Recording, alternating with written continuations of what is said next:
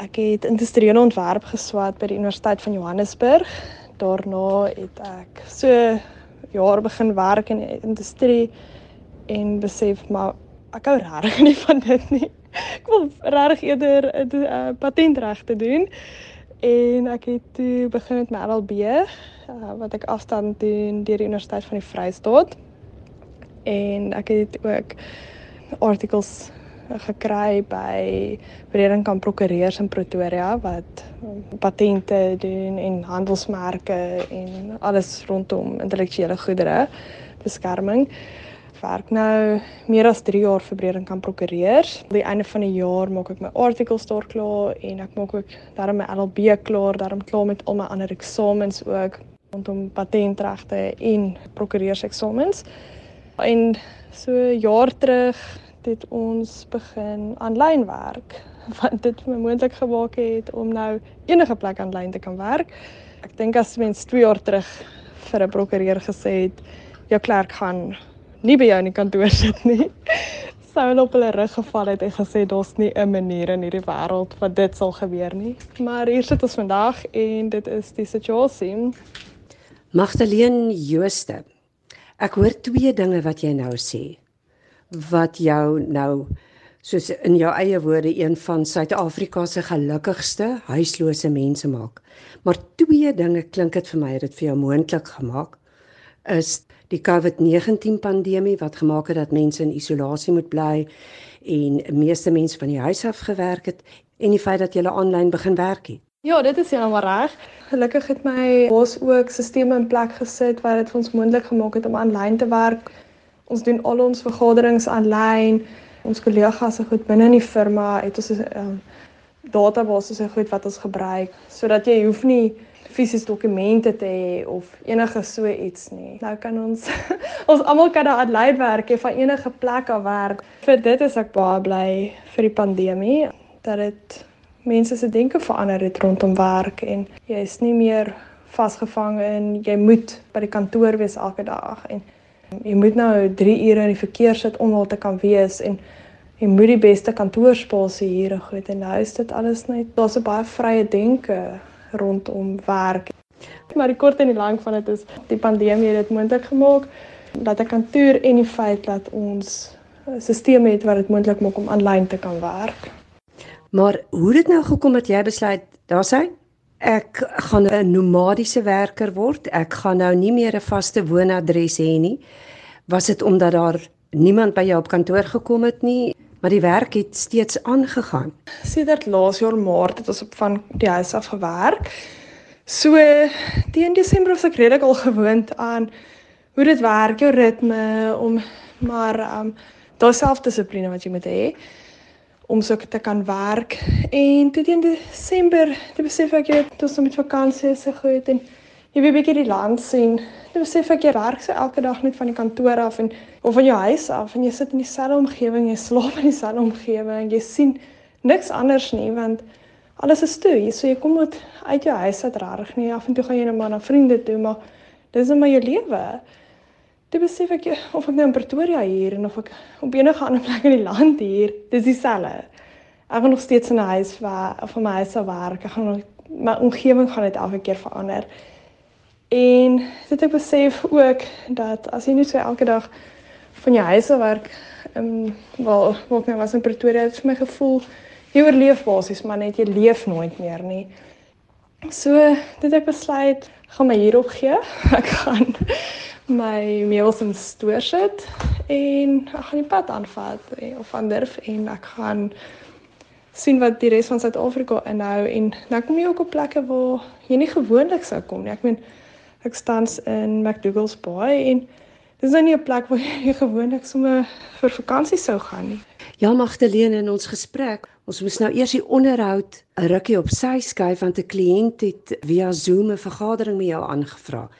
En dit laat my nou wonder, het jy nooit nodig om die kliënte te sien nie of wil hulle jou soms sien en sê nou jy's nou soos jy nou is in McDougall Bay. Ek het nie eens geweet daar so 'n plek in Suid-Afrika nie. Nou as jy daar en iemand in Pretoria wil jou sien. Hoe werk dit? Ek het baie min nodig om 'n kliënt fisies te sien. Ons kan meeste van ons goed afhandel of bespreek via Zoom en video's wat ons skryf van die kliënte af of e-pos en so aan. As daar wel of 'n nodigheid is dat ek 'n kliënt in persoon moet sien, dan gaan ek net maar net terug na waar ook al hy is of die kliënt is. Ek dink meeste kliënte verkies ook maar om via Zoom of Teams of e-pos en goed sake te bespreek. Dit is net so effektief as om nou in 'n raadsaal te gaan sit en sake te bespreek. Terwyl jy werk, besoek jy nou al die uithoeke van die land. Waar was jy nou al oral? En is hierdie leefstyl dan nou nie duurder as om kom ons sê nou maar net 'n gewone woonstel te huur en van een plek af te werk nie. Maar eers wil ek weet waar was jy nou al oral? Eendag by advokaat het sy arbeie gemaak en die mas van Kakema se brandewyn was in dit gewees. So toe ek op 'n kaart kyk om te besluit waarheen wil ek eers te gaan, toe sien ek Kakemas. Toe dink ek, ja, "Wat jy het ek al gehoor?" So goed dan, ons gaan Kakemas toe. En ek het toe die mas van Kakemas gekontak om te hoor of weet hulle van verblyf in die omgewing en hulle sê vir my hulle het.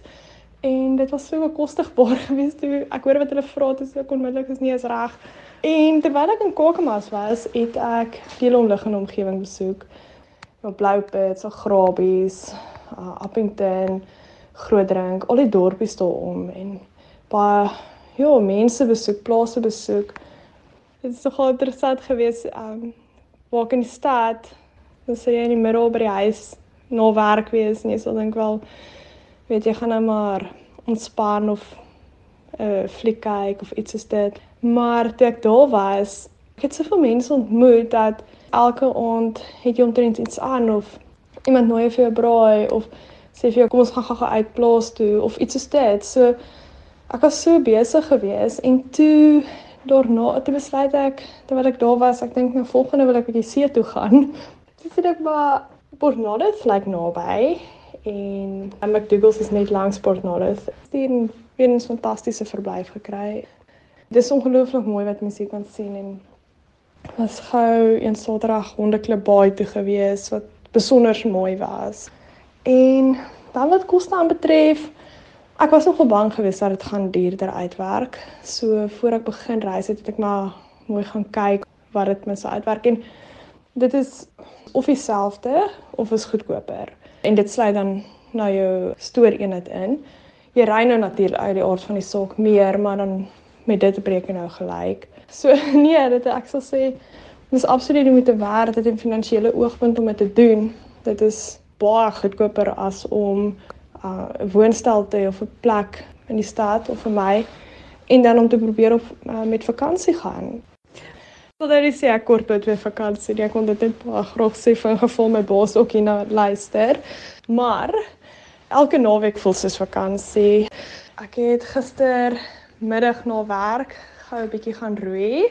Die see was bietjie rof geweest, maar dit was baie mooi geweest en vanoggend gou gaan duik en ook in Kakamas gereeld gaan stap. Elke oggend gou so tussen 5 en 8 km gaan stap en hardloop. En op die oomblik bly ek 50 meter van die see af. So dit is baie maklik om gou tydens middagete te gaan roei of na werk te gaan roei of te, te gaan swem as ek nou regtig vir halsig voel die dag. Gaan jy nou so werk werk reg deur Afrika werk of het jy vir jou 'n 2, 3 jaar periode gegee en daarom so iets begin wegsit vir 'n vaste dak oor jou kop? Wel, ehm um, ek het vir op 'n dag my bos genoem dat dit vir my nou regtig lekker sal wees om deur Afrika met 'n motorfiets te ry. En hy het net vir my gesê, ek het 'n laptop. Ek moet net seker maak ek het internetverbinding en ek is welkom om dit te doen. Maar nee, ek het nog geen vaste plan nie.